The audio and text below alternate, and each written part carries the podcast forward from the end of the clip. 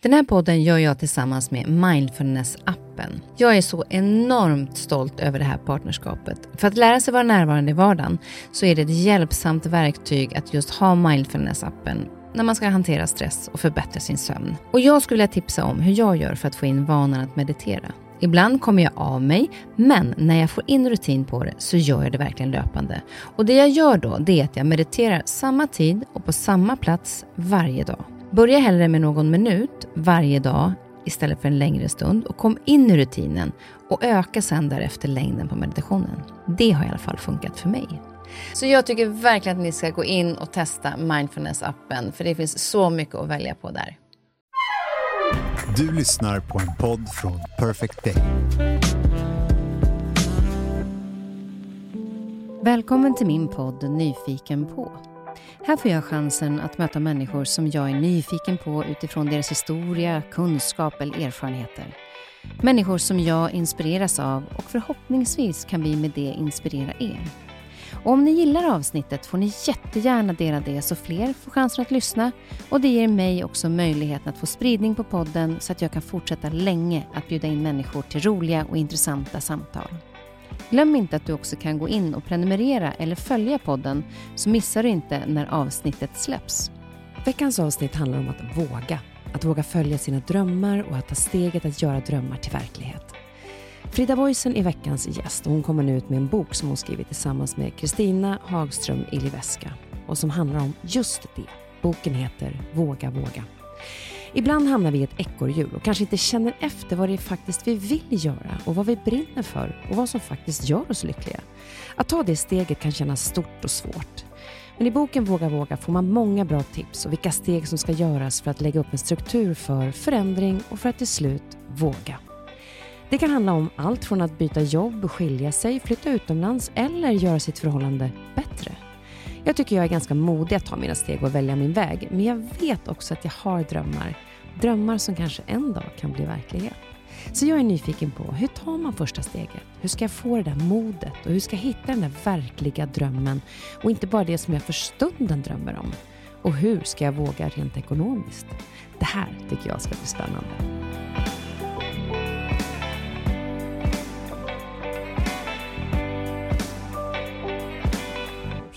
Nu är vi här. Du, du, du, tio minuter sen, jag är en vecka sen.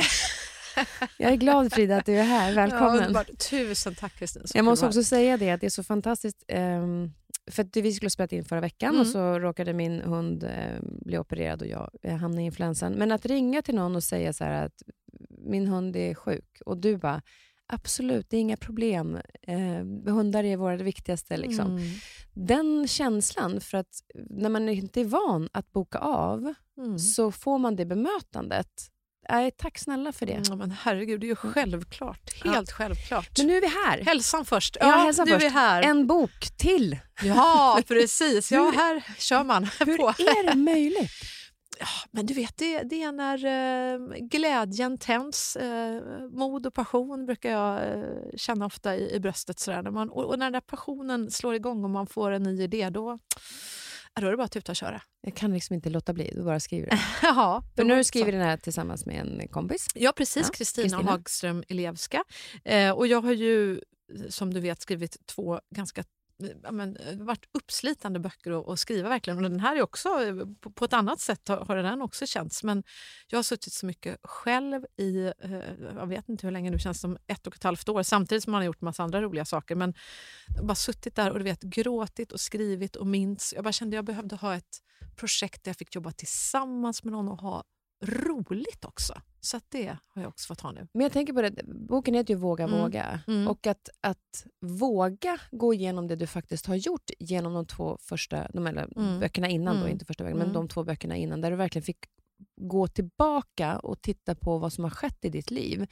Det krävs ju en hel del mod och att våga. Ja, men absolut. Att våga krossa tystnader och ja, men våga vara ärlig med det absolut eh, jobbigaste jag har gått igenom i, i mitt liv. Med, berätta aldrig det här med mammas eh, självmord och hur hon la skulden på mig i, i det här brevet som hon lämnade. Det var ju helt fruktansvärt. Och att jag lovade min pappa att aldrig berätta det. Det är såklart att, att få andas ut och till slut äntligen berätta. Det, ja, det, vad har det betytt för dig att våga göra det här? men jättemycket. Otroligt mycket. Det, är, mm, ja, men det är som att eh, jag har fått släppa ett stort mörker och, eh, som har funnits där inne. Jag, jag tror att många tänker så här, åh du är alltid så, så glad och full med energi. Och så här. Och det, det är jag, men, men samtidigt har det funnits någonting där inne som verkligen inte alls har mått bra. Och Det var skönt att få släppa det. Kan du känna skillnad då när att ha den här positiva energin som du, vi upplever i alla fall att Mm. du alltid har haft, att det inte tar lika mycket energi nu när du inte behöver dölja någonting? Ja, faktiskt. Det, det, det, känns som att jag kan andas djupare. Du som är bra på yoga och andas och sådär. Låter det vettigt? Exakt. Det är ingenting som tar emot där inne? Nej, men precis. Det, Mm. känns, eh, det känns otroligt, otroligt skönt. Och sen, ja, ingenting som tar i. Nu ska vi inte ta i här. Jag menar, herregud, det, det finns alltid nya nya utmaningar i livet. Så, så, att, så att, eh, jag ska, inte- ska inte säga att eh, nu är allting frid och fröjd och allt är toppen och jag har aldrig några problem, för så är det ju inte. Jag går ju igenom nya saker i mitt liv. Så att, eh, det finns alltid någonting nytt som händer och utmanar oss. Men, men att få släppa den, den tunga, tunga stenen. Och sen också nästa bok, den här du är inte längre min dotter. När min dotter hon utmanade mig när jag hade skrivit den första boken och sa mm, du ljuger för dig själv och det här är bara halva sanningen. Du, du kan inte mena allvar att du har förlåtit din pappa. Och då, då ledde ju det in till den, till den andra boken där jag ju insett det fanns ju ganska mycket mer som jag inte hade berättat när jag hittade mina egna dagböcker. Och, ja, minns andra mörka kapitel som jag inte hade berättat om. Mm. Mm.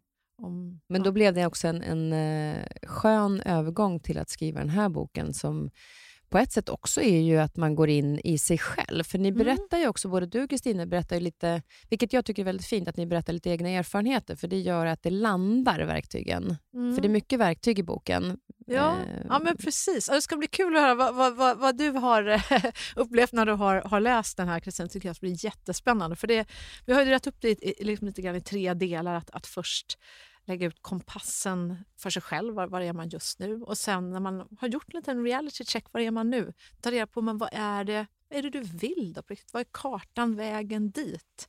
För jag tror ofta vi, vi är så upptagna med att bara springa och ha, ha bråttom och så, där, så att vi, vi sällan tänker efter. Men vad är det jag vill egentligen då? Vi är så bra på, när man jobbar på företag. Där finns det inte ett jobb där vi inte har... Vi har visionen utritad och vi har värderingar på väggarna och alla vet exakt vad det är vi ska göra och vi har utvecklingssamtal liksom en gång i kvartalet eller halvåret eller året. Och, men när har vi det med oss själva? Och, och har vi lagt upp någon strategi som vi följer upp? Vart vill jag i mitt liv? Mm. Och reflekterar vi över det? Nej. Det? Nej, vi gör nog inte det så ofta. Det är faktiskt egentligen då som, enligt hur hjärnan funkar, det är när vi reflekterar över kanske förändringar eller reflekterar över det vi gör som vi också lär oss. Absolut. Eh, absolut. och ibland så kör vi ju bara på Mm. i det mönster som vi har liksom skapat någonstans. Eh, och Jag tänkte vi ska börja prata om det här med kompassen. För Ja. vad, vad skulle du säga är, är viktigast att börja? För jag vet att du eh, berättar om ett tillfälle från gymnasiet. Mm. I en situation där jag i alla fall, om jag tänker tillbaka på gymnasiet, alltså vad fasiken vet jag när jag är 15 om vad jag vill göra? Nej, nej, och så ska man välja liksom, gymnasieval, åt vilket håll jag går. Vad Ja, men just där? det. Ja, men det var så, så en himla bra övning faktiskt. Jag tror det var, vi gick i nian och skulle välja då eh, gy- gymnasiet. Och, och då skulle vi skriva en, en uppsats tyckte vår svenska lärare om, om, om vad vi ville bli, liksom, vad vi ville bli när vi blev stora. Och jag tyckte det var en sån skitjobbig fråga och jag kände, jag hade ingen aning. Och ingen annan i klassen utom Nettan som visste att hon skulle bli frisör, det hade hon alltid vetat. Men vi andra, och, och så hade jag den här boken framför mig att välja gymnasieval. Och då var det bara som en pil som snurrade runt sig själv. Jag bara kände det är sånt hån. Precis så kände jag. Vart är jag på väg? Ingen aning. Eh, och var så arg på att jag hade fått den här uppgiften. Och så började jag bläddra i den här boken. Och då blev jag plötsligt istället väldigt tacksam att hon ställde den frågan till oss. Att vi fick chansen att faktiskt lägga ganska mycket tid på att svara på den frågan. Vilket geni! Tack Anita! Så att, och då började jag ju hitta, och jag hittade ju dels då journalistutbildningen som jag tyckte kändes bara spontant jätterolig att få ställa frågor och lära sig nya saker och jag är ju, har alltid varit väldigt nyfiken. Men jag tänkte här får man ju bara fortsätta vara nyfiken, apropå ditt Precis. program Nyfiken på. Ja, men det är ju liksom bara hur roligt som helst att få lära känna nya människor. Så jag tänkte det där är, är ju jag. Och så, ehm, och så sången och musiken. Jag älskar att sjunga och så också. Så jag tittade på den delen av, av, av det här med journalistiken och det. Och sen tänkte jag, gud att få stå på scen och sjunga och ja, man kanske kan jobba med tv. Ja, det fanns de här idéerna där och så ehm, ja, här är jag nu. Det, men det, det, var där det började på något vis. Så det, det ligger lite till grund för, för där fick du ju faktiskt möjligheten just det här att, att inte bara så få en snabb fråga, utan få tid att reflektera över frågan. Exakt. Och det är det som vi kanske ibland missar. Mm, exakt. Tid att reflektera, ställa oss de där frågorna och inte bara hasta förbi. Jag tänker också på ja, men vi vill ju visa omtanke för andra och vi frågar ofta men, hur mår du, hur är det? Men ofta så blir det svaret ja, men det är bra, det är bra. Och så säger man okej, okay, bra. Och så bara eh, springer vi vidare. Men där finns ju ett enkelt knep och det är ju liksom mer bara att fråga men du, på en skala 1 till 10, Kristin, hur mår du då? Mm. Och då måste man tänka så ja just det, då, kan man inte, då, då, då kanske man säger, vad skulle du säga?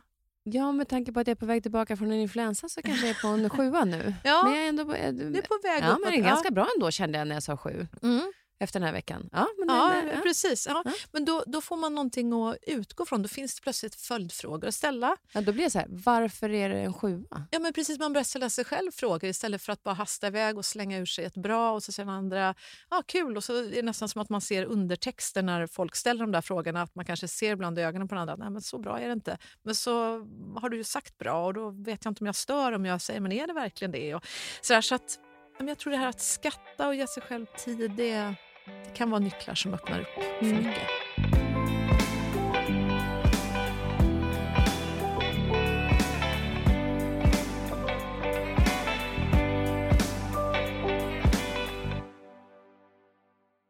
Och det här med kompassen då som du började nämna, vi ska gå in på den. Ja.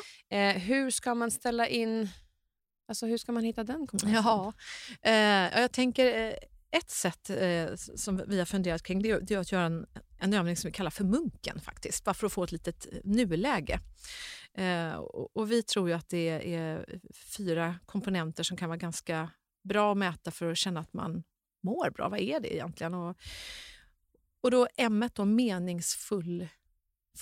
Hur, hur mycket mening känner du just nu i, i ditt liv? Känner du att ja, det känns meningsfullt? Skala 0 till 10 igen. Liksom.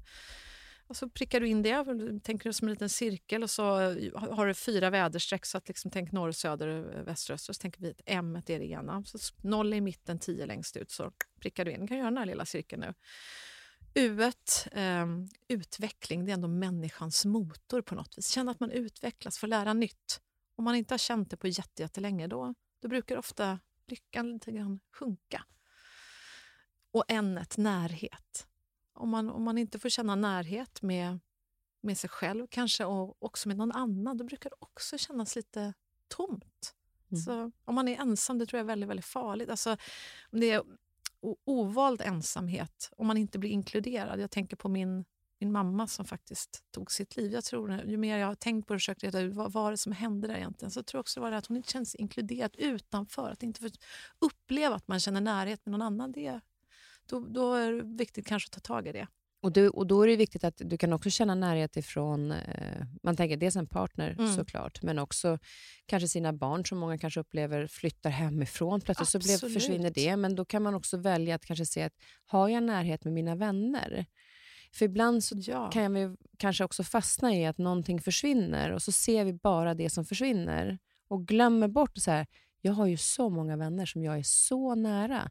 Fokusera på det då. Att hitta Jättebra. närheten någonstans. Det du säger är så bra. Alltså att, att hela tiden tänka vad... Och, och, det, det, går vi också igenom lite senare i boken, just här med att, att inventera vad är det för relationer man har. Så, så, och, och våga välja bort och kanske också våga säga till dem som man har nära Alltså att du är verkligen du är en av mina absolut viktigaste vänner för mig. Och du, vår relation är så viktig. Jag, jag vill lägga, gärna lägga ännu mer tid på den. Var tydlig, berätta. Det kan öppna upp så otroligt fina samtal. Mm. Eller så att jag längtar efter dig. För, för mig är du så viktig. Våga berätta det där. Och det är en gåva till den andra. Absolut. Jag har haft så fina samtal uh, när jag har skrivit den här boken tillsammans med Kristina med några av mina närmaste vänner där vi har varit väldigt ärliga. För det, det, det kan ju vara, vara tufft där ibland också om man känner att men nu är det en kompis vi, vi har fastnat inte, som är jätteviktig för mig men vi, vi ses ju inte längre. Vi hörs ju inte. Det blir bara tråkiga mess när vi borde ses och kramas och vara jättenära. Och, och våga säga det till en annan människa. Men jag saknar dig. Det, det känns inte som att du är i mitt liv längre. Vad, vad hände? Och när, när jag, när det händer roliga saker och det känns inte som du är där. Och, Gud, vi har suttit och, och, och gråtit och så här, jag mina äh, bästa vänner, men sen liksom har det fört oss så nära. faktiskt. Att våga säga sådana saker till varandra. Vi ska komma in på kommunikation lite längre ja. fram också. Men vi ska klämma mm. ur K i munken och det är också kontroll. Så hur mycket kontroll uppskattar du att du har i ditt liv? Hur, hur känns det? känns som att du har full kontroll eh, allt är på topp, du har koll på läget eller är det nere på noll eller någonstans mitt emellan? Om det är för många komponenter i sitt liv som man inte kan kontrollera. Och Det kan ju vara hemma, det kan vara ja, ha någon familjemedlem som, som inte mår bra av olika anledningar och då kan ju det vara jättetungt förstås. Mm. Eh, eller att du själv upplever att du inte kan kontrollera. Det kan vara både kropp, själ eller ditt jobb. Att eh, det inte går heller att kontrollera, att det är för mycket oförutsägbara komponenter som gör att du kanske inte till slut kan andas. Då behöver man göra förändringar. För det är också så, tycker jag är väldigt intressant att eh, i alla fall i, i det livet som jag mm. har mm. och det jobbet, och du har ju liknande, att många gånger så är det ju andras stress som ligger på mig.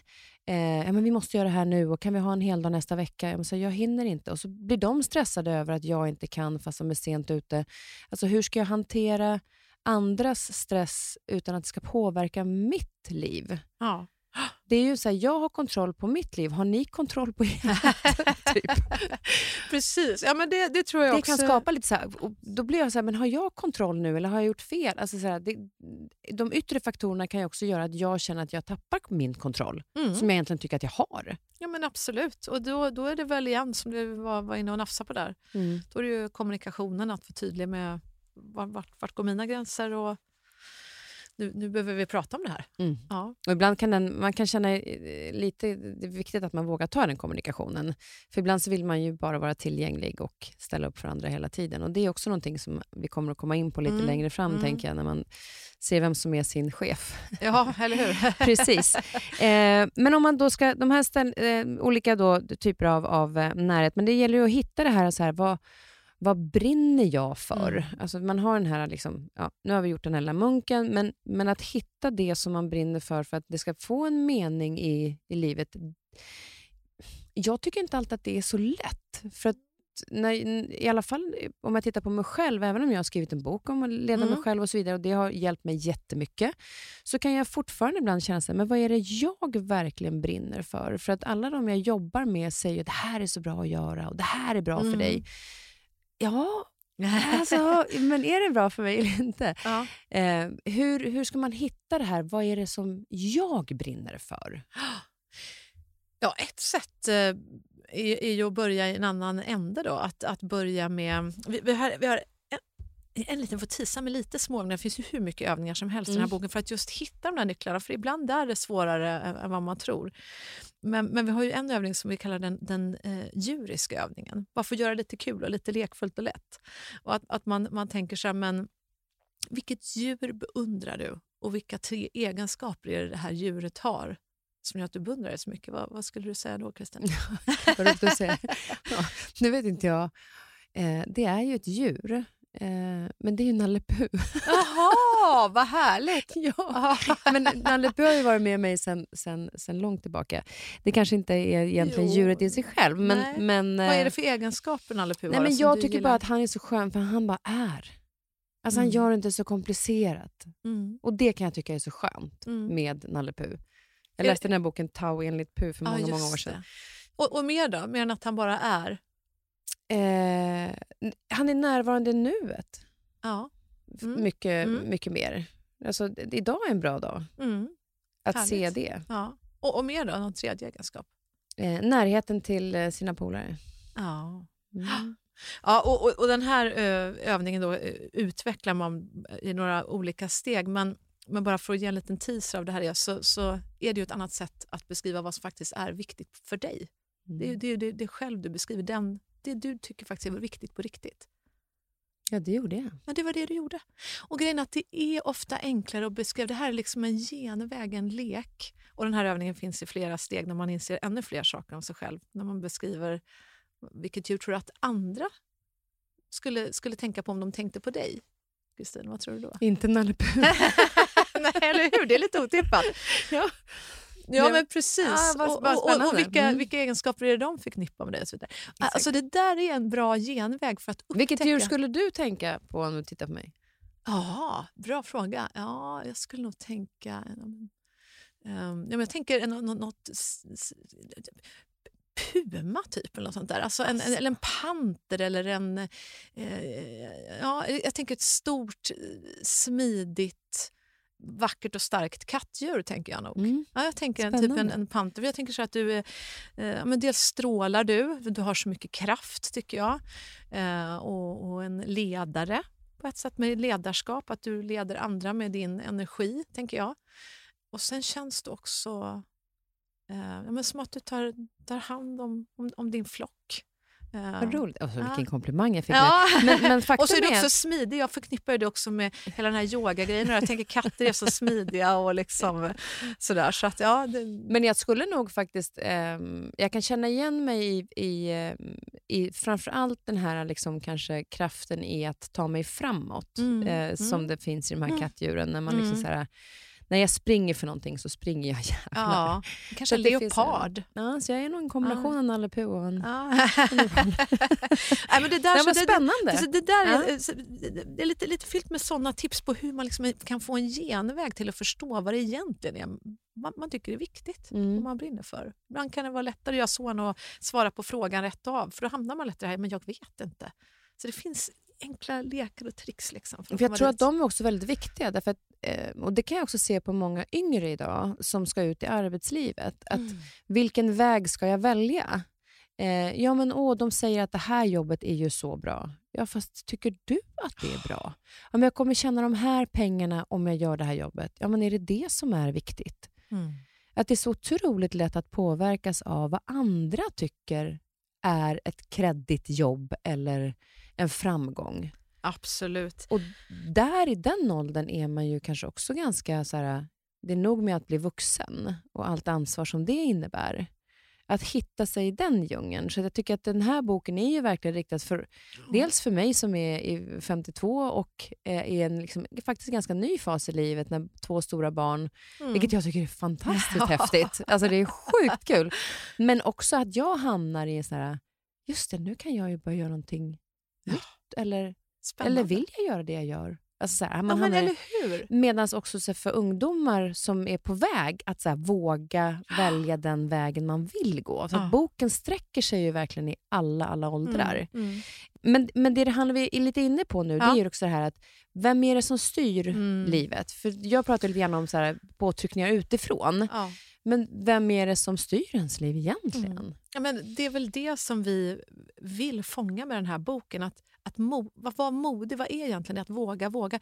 Så får du livet du vill ha. Men det är ju att faktiskt våga ställa de här frågorna till sig själv och, och styra, ta ratten över sitt eget liv. För, för ibland så, så kan det nog vara som du säger, eh, att, att eh, man ramlar in på någonting som, är, som någon säger är bra att, för en, att det är viktigt, men det här är ett bra jobb och det här är en, åh gud vad bra, och det här är en bra titel för dig. Och, och, och så, så kör man på i det där jobbracet men, men det kanske inte riktigt känns helt ändå. För vem gör du det? Är det du själv som vill det här eller är det någon annan?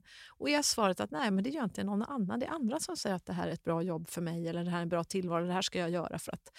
Men varför det? Vad vill du då? Du har ju bara det här livet vad vi vet. Så ta vara på det då och var modig. Våga vara ärlig med dig själv och våga ta reda på dig själv. Utforska vad är det du vill och ifall du då kommer på det till slut, ja, men hur ska du då kunna ta dig dit?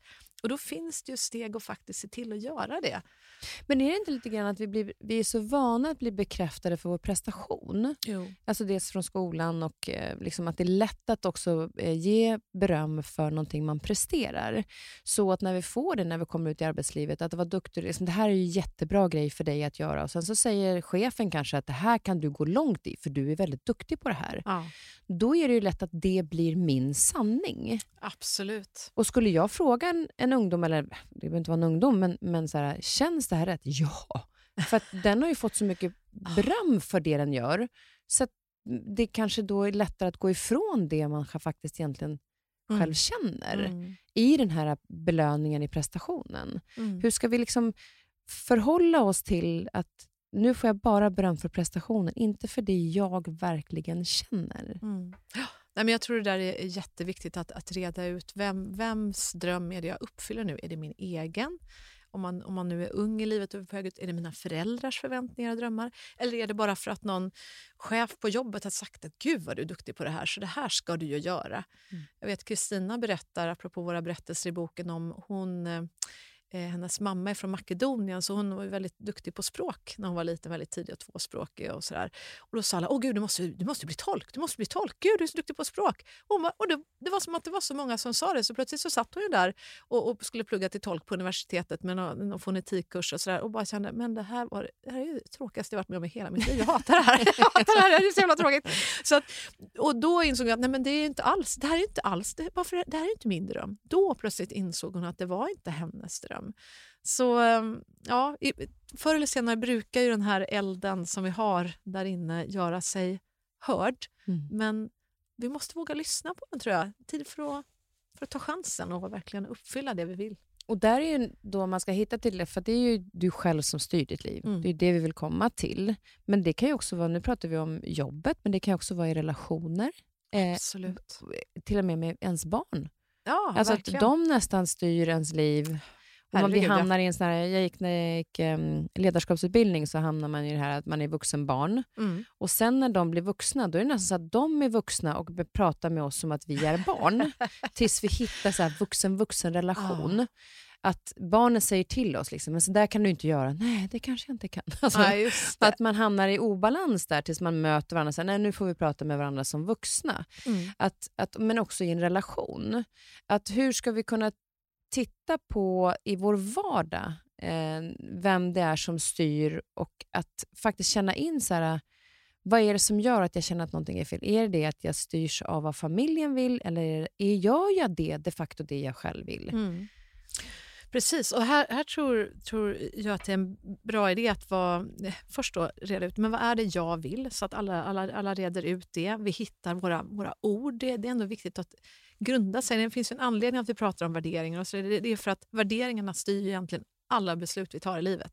Så en annan, annan så här ledtråd till om man fortfarande inte har hittat vad man själv brinner för, och så här, det är att tänka när blev jag senast riktigt förbannad? När blev jag arg senast? Och det blir det ju för att det krockar med dina värderingar, allt du står för. Och då är det ju bara att vända på, okej, jag blir förbaskad på um, våld eh, eller eh, när, när ett barn far illa, ja, men då kanske respekt är viktigt för dig eller omtanke. Det är bara att vända på det så hittar du dina ord, liksom, var, varför det krockar. Men sen när man väl har hittat sina värderingar, kanske hittat målen, vad är det, vad är det viktigaste, vad skulle jag vilja uppnå?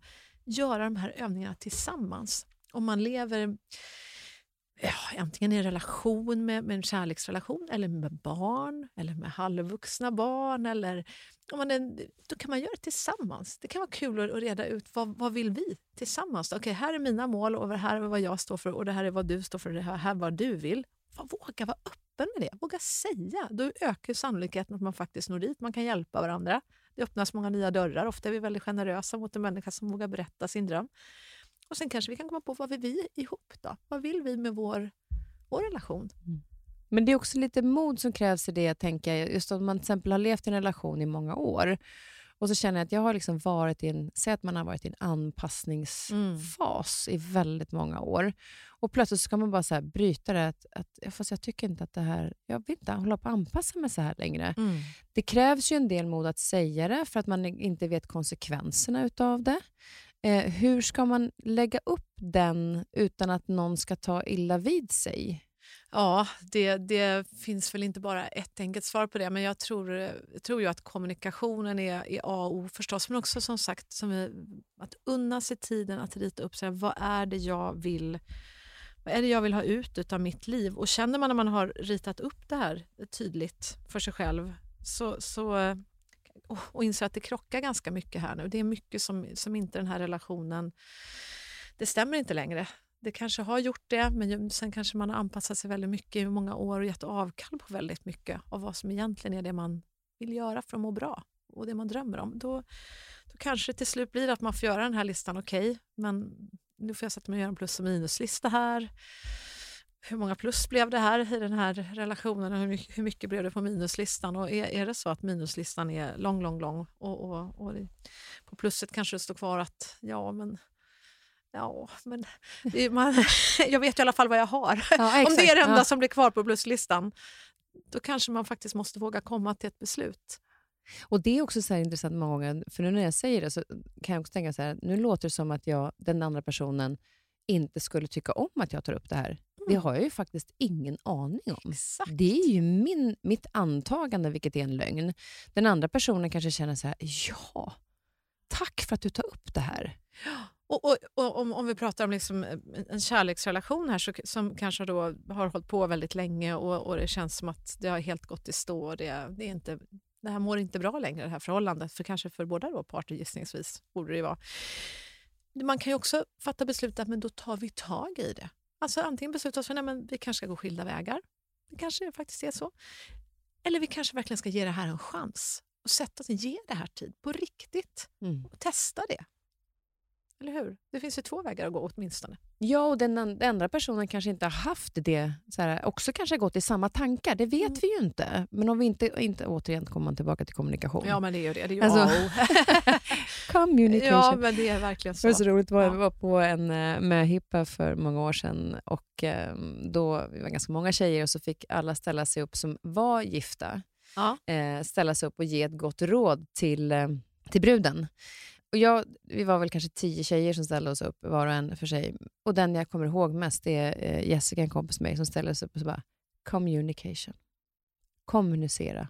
Och sen mm. satte hon sig. och det är så här, ja exakt. Kommunikation i att våga säga vad det är man känner och vad man vill. För att också hjälpa den andra att våga säga och visa det. Ja, men det är det modigaste vi kan göra. Eh, jag, jag berättar ju i, i boken här om, också apropå giftermål, när, när vi... Ja. ja. när min, den, när min, den kan du eh, berätta om. Ja, precis. När, när min, min make och, och jag gifter oss till slut och så, så klingar hon i graset, Kristina eh, från, från Sunne, eh, som har då varit lärare hela sitt liv. Och så reser hon och säger ja, kära brudpar, älskade bröllopsgäster. Ja, det finns egentligen bara ett ord som behövs för att få ett förhållande att fungera. Och det är ork. Ja, ja, ja det är ork. Ja. Och O som i omtanke, och R som i respekt och K som i... Och så säger alla kärlek. Liksom. Och jag också känner mig ganska nöjd med att jag kommit på det. Hon bara, ja, var inte det jag tänkte på. Och så är det liksom en gubbe längst bak. Så hon bara, ja, det är också bra, men det var, det var inte det jag tänkte på heller. Nej, utan K som i kommunikation. Ja. Och, och så säger hon då liksom att ja, jag har ju varit gift med Kalle jag hela mitt liv och som ni vet så är ju han bonde då. Så han går upp väldigt tidigt på Möre han. Och det första han gör varje morgon det är att sätta på en kanna kaffe. Och inte till sig själv för det är alldeles för young att inte dricka kaffe så tidigt. Nej, han sätter på det för han vill visa mig omtanke. För han vet hur mycket jag älskar kaffe på Möra. Och han, genom det så visar han mig faktiskt också respekt. För då vet han att det blir en bra start för mig. Och tänk han lyckas till och med kommunicera bara med den där doften av kaffe som är det första jag känner varje morgon. Att han älskar mig. Fast alltså, han är, är långt ut fint. med djuren. Ja, jag vet, alltså de orden jag... Jag får alltid tårar i ögonen när jag, när jag minns vad, vad hon sa till oss. Jag tycker det var ett så otroligt fint medskick till alla oss som var där. Uh, och Det som är fint att du kan säga att det är inte så komplicerat. Och ändå, ändå så är det det där att vi är så rädda för vad någon annan ska säga eller tycka. Vi är rädda för att få skämmas, att känna oss misslyckade. tror Jag Jag tror det är rädslan som ofta stoppar oss från att våga kommunicera vad ja. vi vill och vad vi tänker, vad vi drömmer om. Och jag vet, Det är så roligt med det här med kaffet på morgonen. Jag älskar kaffe på morgonen. jag med. Eh, och eftersom jag lever själv så händer det inte så jätteofta att jag får kaffe på sängen. Men nu har faktiskt min, eh, min son sovit hos oss en del och då brukar vi turas om vem som ger kaffe på sängen. Mysigt. Men det roliga var när, när ja, det var äldsta sonen, när han kanske var säg, 13. Jag jobbade med Nyhetsmorgon och eh, eftersom jag gick upp halv fyra under veckorna så var ju det liksom när jag väl fick sovmorgon så var ju det life. Ja. så på helgen så låg jag och så hade jag tv i rummet och så ligger jag så under duntäcket och kollar mm. på Nyhetsmorgon. Och, bara, och ibland så när du ligger så är det bara så skönt. Alltså, du, du vill inte röra dig för att det är så otroligt. Jag vill inte gå upp och hämta en kopp kaffe. Jag tänkte, fan kan jag ringa till min son och be honom göra en kaffe? Och jag tror att jag har berättat det här förut, Ja. men då ringer i alla fall upp till honom och säger, förlåt, eh, är du vaken? Ja, du ringde ju. Ja, ja förlåt. Du, alltså, nu ligger jag här i sängen och jag är så himla sugen på en kopp kaffe. Kan inte du göra en kaffe till mig? För jag ligger så skönt i sängen. Han bara, jo men absolut, det kan jag göra. Ja. Alltså 13 år. Ja. Går ner och, och då kan många tycka så här, ja men du bad ju om det. Ja. Ja, fast han visste ju inte att jag vill ha en kaffe. Nej. Jag kommunicerar ju att jag tycker att det är mysigt. Så kommer han in och då har han dessutom gjort så här skummat mjölk. Gulle. Och sen har han gått förbi en rosenbukett som Nej. står på. Så han tagit rosenblad och strött på brickan. Ja, men gud, nu gråter jag. Alltså, in gud vad Och, fint. och jag blev bara så här, nej men alltså det här Åh. är så fint. För det, var ju mycket, det blev ju mycket mer än vad jag hade förväntat mig. Och då så säger han bara, tack för att du säger vad du vill ha.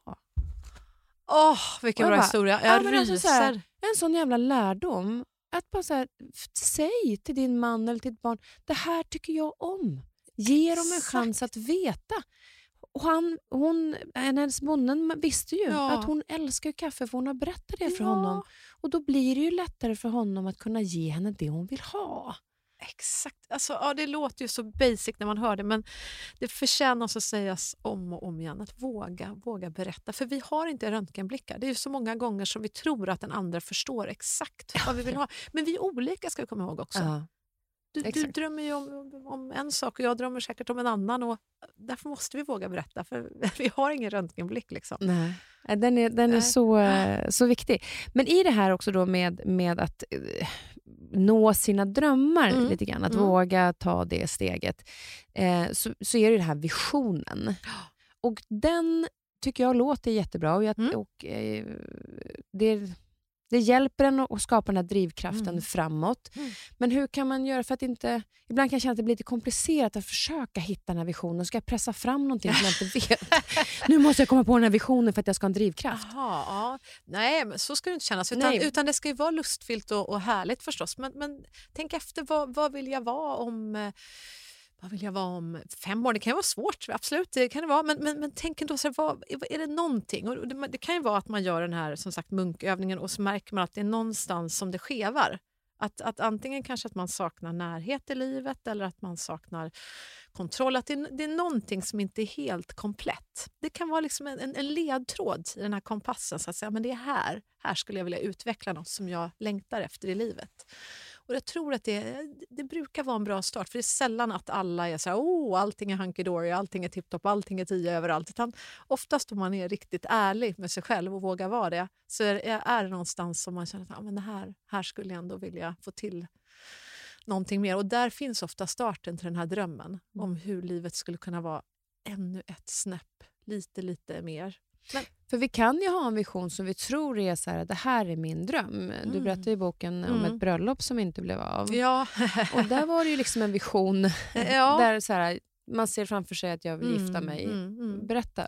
Ja, jo, men det är perfekt. Apropå möhippor. Möhippa, en av mina bästa kompisar eh, säger så här, "Jaha, men när visste du att han var mannen i ditt liv? Och jag så här, ja, tänker på honom och så inser jag Ja, men nu tänker jag på en helt annan kille. Eh, Dålig timing, sådär, eh, tre dagar kvar till bröllopet, eh, 100 gäster bjudna. Och då tänker jag, "Ha, nu har jag då ett val. Ska jag låtsas som att jag inte tänker på en annan man som mannen i mitt liv när jag ska gifta mig om tre dagar? Eller ska jag liksom bara köra på med plan A här och bara gifta mig som det var tänkt? Det är en ganska stor apparat där nu. Men då tänkte jag, nej men jag måste ändå. Jag, jag mässade. Jag mässade då till den här mannen som jag kommer på att jag älskar dig, skriver jag. Och det har jag aldrig sagt till den här personen tidigare. Och han vågar inte svara, vet att det är möhippa, tänker att någon har snott mobilen. Eh, men jag ger inte upp. Nästa dag ses vi då på Hotell Eggers nere i Göteborg. Och jag eh, lägger mitt hjärta på bordet där och säger att Nej, men ja, jag vet det är helt sjukt dålig timing men jag inser att det, det är dig jag vill vara med. Det är dig jag vill vara med. Och jag, jag vet inte, är det bara jag eller känner du också något? Och han bara tittar på mig och säger men Frida, det är klart jag känner något men det, här är nog bara någon passion, det går nog över. Går du hem och gift dig? Och jag bara känner hela min kropp bara skriker nej, jag vill inte. Jag vill inte gifta mig längre. Och då var det ju ändå jag som hade tjatat om att vi skulle gifta oss från början, något år tidigare. Nej, usch, hemskt, verkligen. Eh, och, och, han där hemma började liksom så här, och min, min svärmor som jobbar som scenograf och kostymör här i Stockholm på en jättestor teater och sitter på världens största bröllopsklänning. Den är så fin och har tagit upp hela X2000-tåget med den där klänningen. Och den har precis anlänt till Göteborg med henne och eh, ingen brud. Eh, och, och, han börjar ringa och, och, ringer och ringer och ringer och jag vill inte svara. Och ringer runt till krogarna i Göteborg för jag är, är det här tillfället en ganska profilerad krönikör liksom, på Göteborgs-Posten som alla läser. Så, så typ kommer bartendern fram och räcker över luren till mig och säger din pojkvän. Han bara typ skriker var är du? Mamma har kommit med bröllopsklänning. Kom hem. Ja, till slut så står vi, eh, jag, jag kommer ju inte hem, vi byter till någon Kina-krog men så stänger vi den där till slut och så står vi mitt uppe i Majerna bakom ett träd eh, mitt i natten. Eh, jag och den här mannen bakom trädet då helt enkelt. Och så kommer han som jag ska gifta mig med gåendes mitt i natten på samma gata med sin mamma. Ja, där står jag med en annan karl bakom ett träd. Eh, och man bara tänker, det här händer inte. Det händer inte. Jag bara känner när jag står där, men det här händer ju inte. Det här kan inte hända. Och så händer det. Eh, och vad säger man då? Vad gör man då? Ja, hon säger den här mamman bara, ge mig nycklarna och går iväg. Och den där mördarblicken, du som är mamma kan ju tänka dig hur du hade känt om mm. en av dina söners brides to be hade stått bakom ett träd med en annan. Alltså det är fruktansvärt. Eh, och, eh, och jag skäms ju fortfarande när jag tänker på hennes blick där, förstår henne fullkomligt. Och ja, så står de två där och de har då gått samma klass på Journalisthögskolan. Inga high-fives för det direkt, nej. Mm. Utan, eh, och så säger han som jag ska gifta mig att du kan ju bara gå härifrån till den där andra mannen. Då, så då går ju han och då är det vi två. Och sen Frida, nu måste du säga något jäkligt bra, liksom, annars är det ju slut. Alltså vi ska gifta oss om två dagar. Och då säger jag typ, ja men då är det det. Och han bara, men Frida, alltså vi har ju varit ihop fyra år tror jag det Alltså, nu, verkligen. Jag bara, ja, jag är ledsen, jag är jätteledsen men nu, nu är det så. Så om det är någon som är förlovad som lyssnar just nu och tänker vad gör man om man hamnar i en sån här situation? Nej, då delar man upp listan och så ringer man och säger att ja, det är, det är ingen som är död och ingen som är skadad eller så, men vi är inte ihop längre och det blir inget bröllop. Och kanon Kristina om du kan ringa till Malin och Karina och alla andra för att jag har lite annat att stå i eh, nu. Och Vissa började typ skratta och vissa började gråta. Och Min mamma förlät mig verkligen aldrig för hon tyckte det var så fruktansvärt pinsamt. Hon skämdes så och liksom bara fräste. Man gör inte så Frida. Och liksom, du kan inte göra så här mot mig. Och jag kommer ihåg hon gick omkring med någon liksom knuten runt. Liksom, försökte liksom dra ner den över ansiktet och gömma sig hela den där sommaren. Hon tyckte det var så hemskt. Folk gick omkring liksom och sa grattis både till henne och mig hela den där sommaren. För att, De trodde att du hade gift ja. Men vad, vad, liksom att, att faktiskt gå till grunden med vad det är du känner. Mm. Alltså det är ju alltså jag fattar ju hela grejen att mm. det är inte okej okay att göra det två dagar innan ett bröllop och så vidare. Samtidigt så hade det varit, hade det varit ännu mer oärligt att gifta sig i det läget. Alltså du stod ju mellan pest eller kolera någonstans. Mm. Alltså så här, vad väljer jag att göra i den här situationen? Ja. Men, men just det här att, att faktiskt stå kvar i det som du känner och ta Ja, jag, jag, jag är ju himla glad att jag ändå tog det där beslutet fastän det, jag är jätteledsen att jag förstås sårade han, mannen som jag skulle gifta mig med och jag bad såklart om ursäkt. Och det var så fint för många år senare så skrev jag om det här. Då var jag chefredaktör för Plaza Kvinna och då skulle vi göra en sån här brudspecial. Och, ah, jag kände gud, det har vi gjort hur många år som helst. Så jag tänkte, äh, jag skriver en Runaway Brides bekännelser istället. Och så gjorde jag det på typ 8-10 sidor. Och typ dagen efter det här magasinet kom ut i handen så fick jag ett mejl från då, han som jag skulle gifta mig med. Och då skriver han som rubrikrad eh, artikeln och jag bara, åh nej, åh nej, åh nej, åh nej. Åh nej. Öppnar den här och står det, du, det kanske hade varit schysst om du hade kollat den här publiceringen med mig innan. Och jag bara kände, men gud, varför gjorde jag inte det? Och jag hade inte skrivit hans namn eller något, men det är klart, det var många som visste att det var oss jag skrev om. Och skrev, men jag vill bara säga att det var nog som du beskrev. Och um, jag vill bara säga att det har runnit vatten under broarna och jag är inte arg på dig längre. Alltså gud, jag började... Ja, alltså, jag, så fint. Alltså fint. Jag blev så tacksam. Och jag, apropå vikt som släpper mm. så kände jag bara att gud, hur, hur, hur jag har skämts för det där och var tacksam. Det var så fint. Det finaste mejl jag fått tror jag.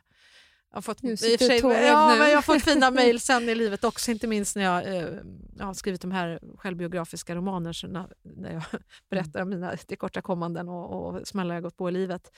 Men, men eh, det var väldigt fint. Och, och, ehm, ja. Så jag är glad att jag fattade beslutet för jag vet samtidigt hur många som har varit i den situationen. Jag berättade på någon konferens eh, som skulle handla om mod. Eh, Bonnierkonferens med typ 300 Bonnierchefer. Och då eh, skrev, så fick man skicka in innan den här konferensen What does courage mean to you? Och jag skrev I'm a runaway bride, need I say more? och då så, så bad han som var ledare för den här konferensen, du kan du bara dra typ 30 sekunder, vad, vad, vad, vad, vad var det som hände? Och så gjorde jag det. Och jag tror det kom fram, alltså under den här två, tre dagars konferensen kom det kanske 30 chefer till mig och sa exakt det hände mig med. Men jag gifte mig. Ja, exakt. Och jag skilde mig. Mm. Och det var bara dumt. Och, så att, och, och, och jag, jag, fick ju faktiskt sen, om någon undrar hur det gick för mannen bakom trädet, så är ju det då Lars, min kära make, ja. som jag fortfarande är gift med efter, efter många års äktenskap. Och, eh, och vi har varit ihop nu i vad är det, 20 år eller någonting. Alltså helt mm. otroligt. Så att eh, jag bara tänker att det... Men jag det... var så glad när vi fick gifta oss och du vet man bara kände sig... Ah, gud vad glad jag var. Jag kommer ihåg jag, grät liksom hela vägen fram för jag, jag av, av, lycka för jag tänkte gud, tänk det är så här det ska kännas. Att det, att det är äkta, det är hundra procent och äh, så fint. Och så tänkte jag, tänk vad hemskt det hade varit om man hade gått omkring och bara känt att det här är, det här är bara skådespel. gått fram där och känt att du är en skådespelare ja, som går fram ja. två dagar senare nej, nej, med usch, förra. Nej, nej. Och det som sagt, det är ju inte schysst mot någon.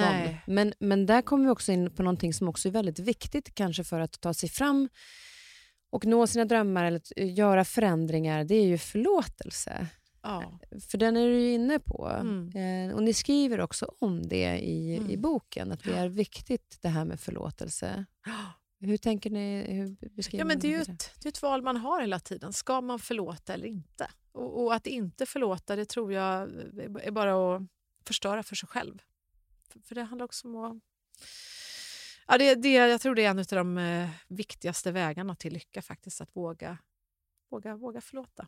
Jag gick ju en sorgbearbetningskurs. Ja, berätta. Eh, ja, för det var ett eh, tidigare avsnitt från mm. eh, förra året som ehm, eh, vi pratade om sorgbearbetning med Anders och då gick jag den kursen efteråt och då gör man ju ehm, menar, en tidslinje och, och mm. fullbordansbrev där det handlar om mycket om förlåtelse och att man, eh, vikten av att förlåta, det ligger ju för att kunna gå vidare själv. Absolut. Det handlar ju inte egentligen lika mycket om att, så att den mannen du skulle kunna, skulle kunna gifta dig med, mm. han kunde ju också ha förlåtit dig utan att säga det, för hans del att gå vidare. För det viktigaste är ju att du förlåter Eh, sen om, för den andra personen kanske inte ens är mottaglig för det.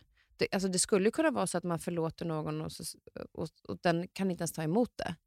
Men med vikten av att förlåta, det är ju att lämna någonting bakom sig. Precis. Istället för att det står i vägen för att jag är så fortfarande så arg på den här personen. Mm. För att mm. ja, men Det är bara du som påverkas av det. Den andra personen har ingen aning om att du går runt och är arg eller besviken eller ledsen för den händelsen.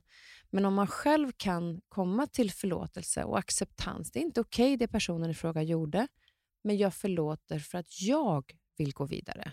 Exakt. Nej, men det, det, det är precis som du eh, beskriver. Och, eh, jag, hade ju, jag, jag berättar om det i, i Våga våga-boken också. En, eh, en kompis som hette eh, Martin, kommer jag ihåg, när, när jag var tonåring. Jag hade precis kommit hem från Jakarta, som jag skriver om i, i Du är inte längre min dotter. Där, där ja, jag hade levt i eh, väldigt hemska förhållanden faktiskt hemma. Min pappa var väldigt våldsam. Han drack väldigt, väldigt mycket och, och det var väldigt mycket våld hemma. Det slogs och de slog varandra. Jag vaknade och min styvmor satt helt sönderslagen på, på sängen och, och liksom igenmurat öga, bruten arm.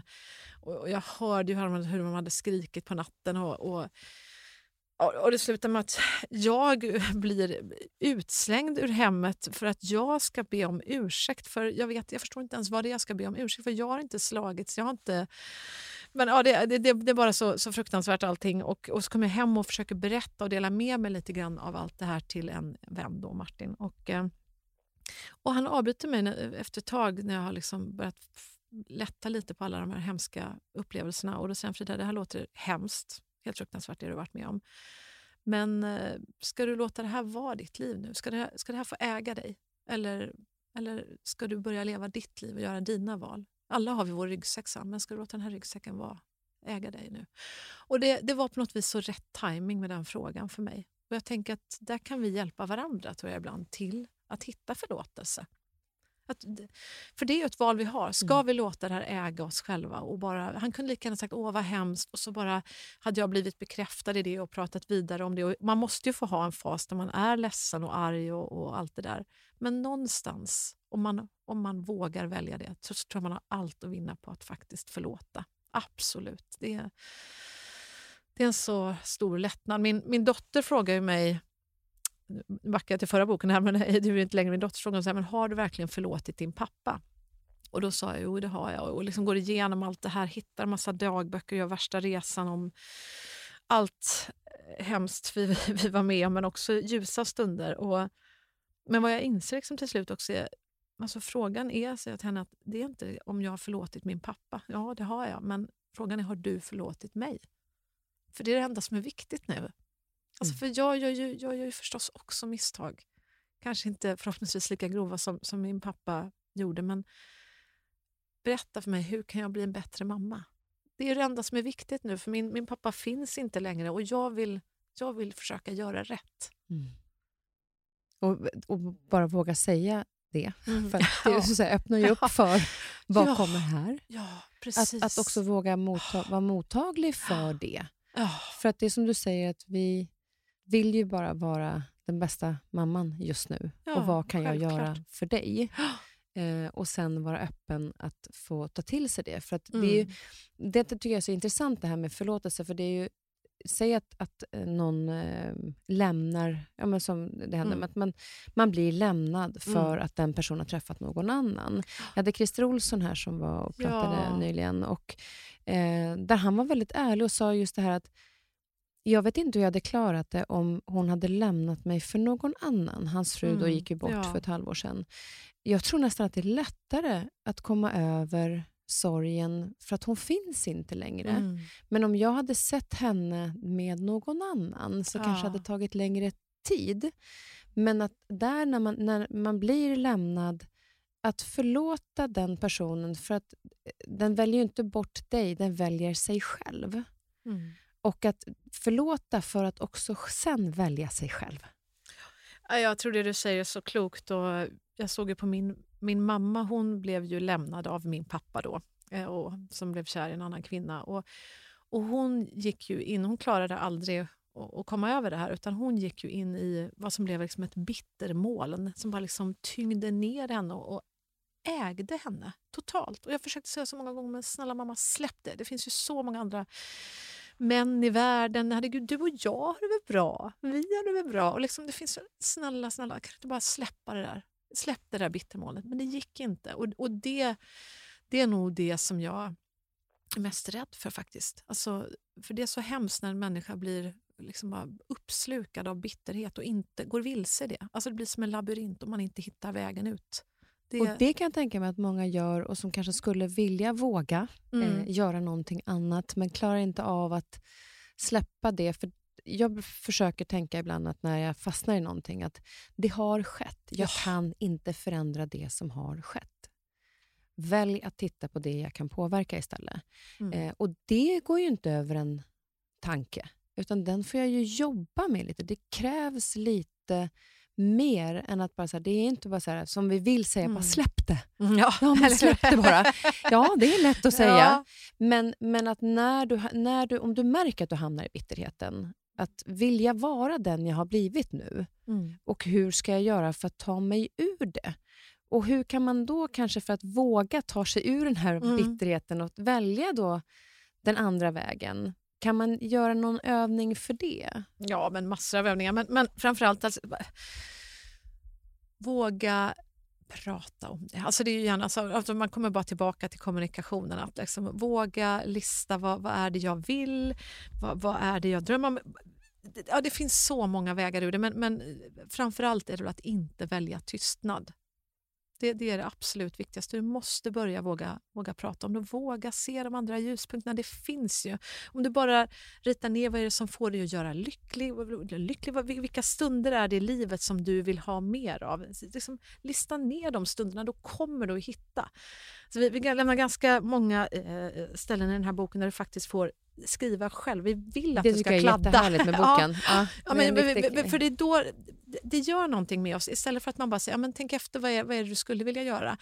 Ja, men då fladdrar vi förbi i tanken och så unnar vi oss kanske inte att stanna upp. och verkligen. Men om det står så här 10-15 rader, ja, men skriv ner 10-15 grejer som du faktiskt tycker är roligt i livet. Ja, men då gör vi det. För liksom det, det är som att det uppmanar verkligen till att göra det. Och vi oss faktiskt lägga den lilla tiden på oss själva, ja, men då kan du ju förändra ditt liv. Det här är jätteviktigt. Ja, och det, det handlar ju om att, visst pratar man mycket om så att, att det, eh, du ska vara din chef och att Mm. mycket handlar om dig, men, men att be om hjälp är ju... Absolut. Alltså det var ju, förra veckan så var jag tvungen att fråga en kompis för att eh, Minou då, som min hund Ja. heter, som har opererats, eh, hade ju såna här plåster på magen. Mm. Och så ska jag försöka rycka det där plåstret. Alltså ja, det gick Ah. inte. Och då har jag en kompis som är väldigt duktig med djur Mm. eh, och som hjälpte mig när hon steriliserade sig. Åh, gulle. Och då, det var liksom tre år sedan. Så jag fick ju så här, kontakta den kompisen och bara, förlåt, men jag klarar inte av det här nu. Och då är jag ändå väldigt mycket så här, kan jag själv och så. Mm. Och det bästa jag har liksom kommit till insikt med, tror jag, i 50-årsåldern, det är att be om hjälp. Det är också en- en fin gåva man kan Ah. ge en annan. Att våga visa sig sårbar. Våga, Exakt. jag klarar inte allt, jag behöver dig. Det är ju den finaste komplimang man kan få som vän. Ja, och jag var helt överlycklig. kom hem, han hjälpte mig att rycka den där plåsterlappen, Ja. drog därifrån, så skrev jag bara så här, tack snälla för hjälpen. Och fick det svar, jag älskar att hjälpa. Så att då inser jag, jag har ju också gett någonting till någon annan som har fått göra en betydelsefull handling. Så i allt det här Mm. med att faktiskt då staka ut vad ens vision är och titta Mm. på sig själv och så vidare. När man fastnar så våga be om hjälp. är väl en stor del. Ja men verkligen. Det, det är bland det finaste vi kan göra. Våga Mm. be om hjälp, Mm. våga visa dig sårbar. Våga leka sig fram också. Det finns mycket, mycket forskning som pekar på att lek är- en eh, otroligt eh, bra kraft för att, att eh, hitta förändring. När man, man har, Stanford gjorde en, vi har ju dammsugit forskning på, på området också om vad det är som får oss att våga mer. Och, och Stanford undersökte just, de letade efter kreativa, kreativa genier och så, och så kollade de på två treåringar på förskolan. Och där kvalade 98 procent in som kreativa genier. För att de ser inga begränsningar. De ser Mm. allt är möjligt, eller hur? Och, och, men mäter man samma eh, sak vid, vid 13-åringar, då har det redan sjunkit till 30 procent. Och tittar man sen på vuxna, då är det bara 2 procent som kvalar in som kreativa genier. För att vi sätter upp osynliga begränsningar för oss själva. En annan eh, forskning som är ganska intressant, då, då, då hade man en gädda som skulle då som simmar omkring i ett akvarie som behöver käka småfisk för att överleva. Eh, ja, den käkade på småfisken och sen så satte man ner en osynlig barriär i form av en liksom plastavskärmning. Och gäddan bara stöter i den där och kan inte käka fisken. Och till slut så slutar det, slutar det försöka. Tar man bort den osynliga barriären, gäddan dör. För gäddan vågar, den fortsätter inte. Den vet att det är ingen idé. Det är ingen idé. Och vilka osynliga barriärer har vi satt upp för oss själva i vårt liv? Det tror jag, ja, du vet, man fastnar i de här, "Åh, jag borde ha gjort det, ja, nej. Och så liksom, våga, men våga igen, försök igen. Och Det tycker jag som förälder är också sån när man ska uppfostra barn. Att så här, Mm.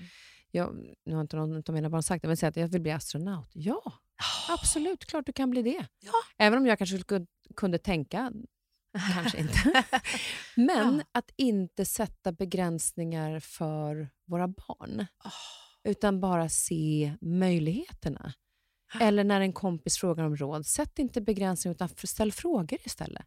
Ja, men absolut. För det är lätt, vi suger ju åt oss vad alla andra tycker och tänker också. Det är Ja. svårt ibland tycker jag. att Visst, vi sätter våra egna begränsningar, men det är ju svårt också när alla tycker och tänker runt omkring. När du är lite osäker. Mm. För när du är osäker, det är då du ber om hjälp. Just det. Och där, där är du inne på något jätteviktigt också. Tänk på vilka människor är det då du har eh, runt dig som du ber om hjälp. Vet du med dig att men det här är ju människor som säger men det där kommer du aldrig klara Kristin, det går inte. Det är ingen idé du försöker, det går inte. Ja, men det är klart att det påverkar dig om du har tio personer runt dig och alla säger det går inte, ingen idé. men jag menar, fundera på med vilka människor inspireras du av? Alltså, våga bjuda in till nya kontakter, nya vänskaper i ditt liv. Våga fråga om hjälp. Jag menar, vad är det värsta som kan hända? Det är väl kanske att de säger jag är hemskt ledsen, jag hinner inte svara, ja, det går inte. Men det, det kanske finns någon människa där ute som du beundrar och du vågar fråga och säga så här, ja, jag tycker du är så himla inspirerande och gör så mycket bra saker. Jag har bara en fråga. Vad tänker du om det här? Jag står i det här och har precis fått frågan om vad det nu är. Något mm. nytt Hollywoodjobb säger vi till dig här nu då. Och så, och så, och så känner du någon eh, skådis i Sverige som har gjort någon eh, Hollywoodrulle som du tycker är skitbra. Men fråga den människan då. Jag har precis fått det här erbjudandet. Vad tycker du jag ska göra? Ja, men då kommer ju den människan förmodligen säga, men kör, kör bara kör. Jag, jag, jag lärde mig en sak om min resa och det var det här. Mm. Men vad är det värsta som kan hända? Just det, titta, våga fråga. Ja, våga fråga men, men och, våga och vara beredd på svaret. Ja, och, precis, och våga öppna upp för andra eh, relationer. Om du har kanske vuxit upp i en familj där, där det finns en kultur där det är nej, går inte. Ja, men våga hitta andra då. Mm. För det är klart att man blir färgad av dem man har runt sig.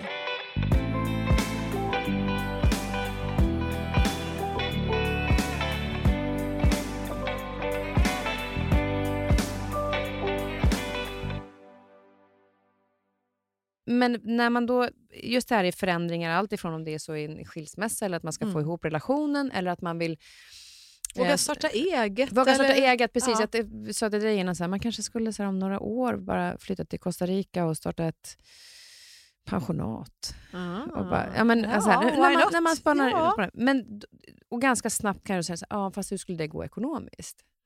Alltså, det finns ju en ekonomisk rädsla om man vill göra typ sådana förändringar. Mm. För det tror jag många gånger står i vägen för att göra en förändring i livet, att här, byta jobb. Mm. Ja, fast nu har jag en trygg inkomst, hur gör jag det här? Hur ska jag liksom göra då på vägen? Och nu tar ja, ja, jag känner att jag nästan bläddra fram nu, för det, det, är så himla många bra tips ja, här. Va? Ja, men det, är det. det roliga var att jag fick boken på pdf, så jag har inte kunnat ja, kladda nej, så mycket i den. Du, ja, men du, du ska mm. få ett ex, jag lovar. Mm, eh, nej, men vi, vi, vi, pratar ju mycket om att eh, att staka sig fram till, till vägen, för nu är du liksom inne på, på kartan. Och, eh, vi, eh, vi har något som vi kallar för, för transformatorn. Att om du sätter först vart du vill. Säg nu att det är att du vill starta din, eh, ditt härliga ställe i, i Costa Rica. Har du kanske får kolla men vad är det som krävs för att jag ska få göra det. Men du behöver köpa ett pensionat som kanske kostar eh, vad vet jag, 5 miljoner kronor. Antingen råkar du ha 5 miljoner över och det är jättehärligt, men många kanske inte har det. Ja, då kanske man inser att men då behöver jag ett startkapital som är det här, man ska våga säga upp sig och så vidare. Det finns olika sätt att förbereda sig för det här. Men vi brukar prata om staka modellen. Och, och, och då är det att sätta målet. Och anledningen till att vi gjorde det här det var att Eh, vi har ju varit med och lett stora förändringsprocesser. Jag har jobbat i eh, många stora företag inom Bonnier och jag har varit chefredaktör på diverse ställen och så vidare. Och Kristina också kommer från en annan del, mer från sälj och marknadssidan. Jobbat som säljdirektör så för stora bolag och startups och allt möjligt. Och också coachat många chefer. Och hon sa att alltså, Frida, jag vet inte hur många chefer jag har coachat nu som har sagt att det, vet, det här med smarta mål, det funkar fasen inte. Det funkar inte, de är inte dugg smarta. och då tänkte vi, så här, men vad är det som inte funkar med de här smarta målen? då? Och det, du vet, det ska vara mätbart och så vidare. Men det är ju att de ofta inte anpassar sig efter verkligheten. Att det händer saker som liksom som man inte har förutsett från början och man har sett upp de där målen som ska vara mätbara och enkla och så vidare. Men så händer det saker som förändras och då måste man göra det lite smartare. Så vi säger sätt målet, eh, gör det tydligt såklart. Det ska vara, eh, eh, om du vill springa, mas, springa eller köra Vasaloppet eller vad det nu är. Sätt det tydligt, server. tydliggör målen, staka. Analysera förutsättningarna. Vad kommer, vad kommer att påverka eh, om du fattar det här beslutet? Om, om du... Eh, om du behöver de här fem miljonerna för att, att eh, fixa ditt Costa Rica-ställe, hur ska du nå dit? Eh, vad, vad, behöver du göra för förändringar? Tydliggöra delmål så att det blir roligt hela vägen och, och nå dit. Och också analysera förutsättningarna. Och Sen så gör vi det här enligt en väldigt enkel modell så att du eh, ja, når hela vägen dit. Det, det, det, funkar. Det handlar om att bryta ner sitt mål. Det, det, är precis som om man jobbar på ett företag. Man säger så här, men nu ska vi öka omsättningen med, med 3 miljoner och nu blev det väldigt mycket pengar. Det kan vara precis något helt annat. Så bara bryta ner. Men vad innebär det här för dig? Vad ska jag göra annorlunda? Ja, men då innebär det att du ska göra jag vet inte hur många gånger folk har stått och applåderat. Ja, vilken bra idé, vi ska göra eh, tre miljoner till. Och så går alla tillbaka på sina eh, eh kamrar och så tänker de, men jag gör redan mitt bästa. Hur ska jag kunna öka min eh, min försäljning med det dubbla. Hur ska det gå till? Då får man bryta ner det och bara göra så här. Ja, men då behöver du tio säljsamtal per vecka. Hur, hur, hur många veckor är det per år? Hur många timmar är det per vecka? Ja, men då behöver jag ringa två samtal per dag. Det är faktiskt det det innebär. För då kommer det enligt den här modellen att nå till framgång. Och vad, Lite skillnad ja, från att se tre miljoner till två samtal per dag. För jag tror ofta vi slarvar med det här och bryta ner processen. Man ser bara det här drömmålet om Costa Rica så tänker man att det är så långt bort, du kommer aldrig komma dit. Ja, men om det innebär att du måste spara undan det kanske är 2 000 i, månaden, ja, men vad blir det per dag? Ja, men då kanske det är att du, man struntar i att köpa Ramlösa flaskan på stan som faktiskt ofta kostar kanske 30 spänn på, på någon liksom, ja, 7-Eleven eller något sånt där. Och ha med sig vatten hemifrån istället. Vilket är mer miljövänligt. Mer Mm. miljövänligt sparar också på klimatet. Ofta är det ju så med faktiskt sånt som kostar pengar, att vi sparar också klimatet. Eller kanske eh, dyra kläder, vi köper, ja, men man kan köpa hållbart. Man kan avgöra vad som är viktigt för mig, vad kan jag spara ner på? Jag har ju jobbat med Lyxfällan så att Ja, exakt. exakt. I, I know the tricks in the book. Och, och Det som är fint att man, man sparar ju faktiskt ofta både för sig själv eh, och för sina drömmar men också för, för klimatet, för det blir ju mer hållbart. Ja, och sen tycker jag också att det, det är när, när jag läste det här i Ja. boken också, här att vikten av att ha delmål. Att jag tycker att det blir liksom, resan blir också roligare för att du Mm. kan liksom säga shit, nu har jag klickat i det. Fan vad kul. Ja, men precis. Att det händer, att det blir roligt under vägen istället för att det bara ska vara kul när jag sitter på den där stranden och står och lagar frukostmackor till härliga mm, gäster. Så har jag ju, då är det det är som jag brukar säga med bröllop, Mm. om nu när man mm, gifter sig med rätt person. Att ibland så här, när ni, från när ni förlovar er, tänk på liksom att hela resan till bröllopet är bröllop. Mm. Alltså sitta med inbjudningarna, sitta med bordsplaceringen som man annars kliar sig i håret av. Men det är en del av bröllopet. Njut av det. Som, för det, det gjorde verkligen jag. Nu gifte vi oss på fyra månader. Ja. Så att, men jag ville verkligen se varje del till bröllopet som någonting härligt. För det, Ja. bröllopet var ju över på en kvart. ja, eller hur? Så då, men då är ju inte liksom Mm. målet... det- Då, ja, nu är jag ju här. Ja, men precis, vägen är ju också en del av målet för då blir, då blir lyckoresan större. Exakt. eller hur? Ja, jag är väldigt mycket för den här lyckoresan. Ja, ja men, den är, ja, men det, det är underbart. Så, så att, sätta Men då blir det en del struktur i det. Det- Alltså, det den är väl- väldigt viktig i Precis. det här att våga. Ja, men jag tycker faktiskt det. För då, då blir det, det är då drömmen blir sann på något vis. Det är då drömmen eh, blir verklighet. Om du identifierar, först hitta drömmen, det är en viktig del. När du väl har hittat den, ja, men vilka, vilka steg kommer att ta mig dit? Och sen våga hålla fast vid planen. Har du väl gjort matematiken, räknat ut, ja, men då är det det här som behövs. Mm. För att kanske få det där kapitalet som du behöver för att kunna känna dig trygg. Att, att starta den här drömmen och se om det bär. Ja, skönt. Då, då vet jag att men det är bara de här grejerna jag behöver göra. Och gör jag det, toppen. Och så följer jag hela vägen.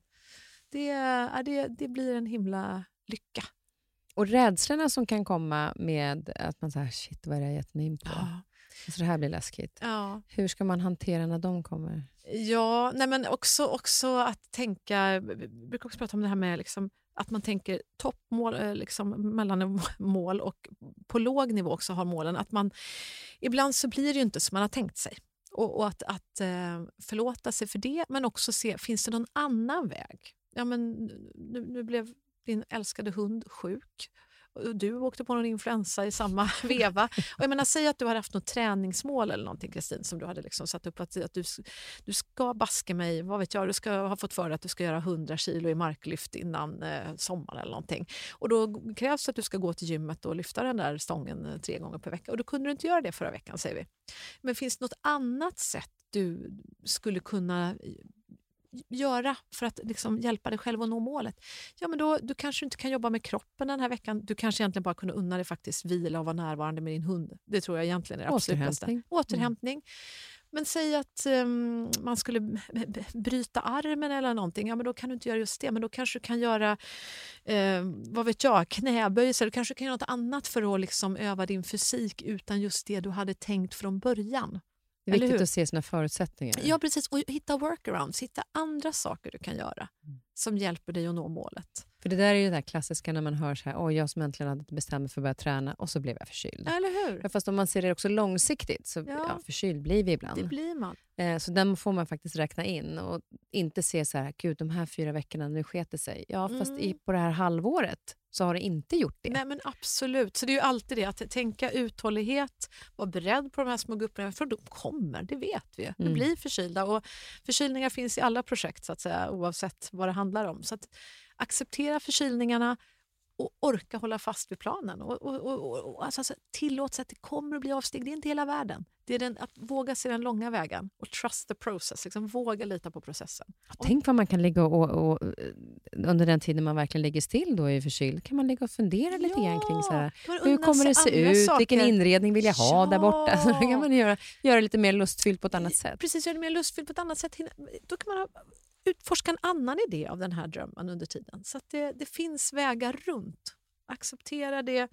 Igen, våga be om hjälp. Finns det något som skulle kunna underlätta nu? Din gulliga underbara hund är sjuk, men finns det någon du kan fråga som kan hjälpa till då? Så att du skulle kunna göra det som du... Ja. Det Är det, är det här att, det- som jag tycker att du är inne på, som jag tycker är så Ja. himla bra, det är att fokuserande på problemen, likväl som vi säger att det här står i vägen för mig med förlåtelse, se möjligheterna. Ja, För att även om vi alla har olika förutsättningar, eh, det vet jag, men sätt upp de rimliga målen som finns, men också se så här, okej, de här förutsättningarna har jag. Mm. Jag kanske inte har samma förutsättningar som igår, nej men vilka förutsättningar har jag då? Ja, men absolut. Och vad är möjligt? Istället för att fokusera, jag ser problemet, okej fine, det står i vägen, men Mm. vad har jag då för möjlighet? Nej, men precis. Jag menar, om toppmålet för dig är att du vill eh, åka Vasaloppet och du som sagt var inte kan, du kan inte springa just de närmaste två, tre veckorna för du har fått någon skada på, på foten. Men vad kan du göra annat då som kan hjälpa dig att nå det målet? Det kanske är att du jobbar med mental träning de här veckorna som du inte har unnat dig annars. Och från början ger det såklart goda förutsättningar. Förklara för människor du jobbar med att för mig är det viktigt att få till den här tre, träningen tre dagar i veckan.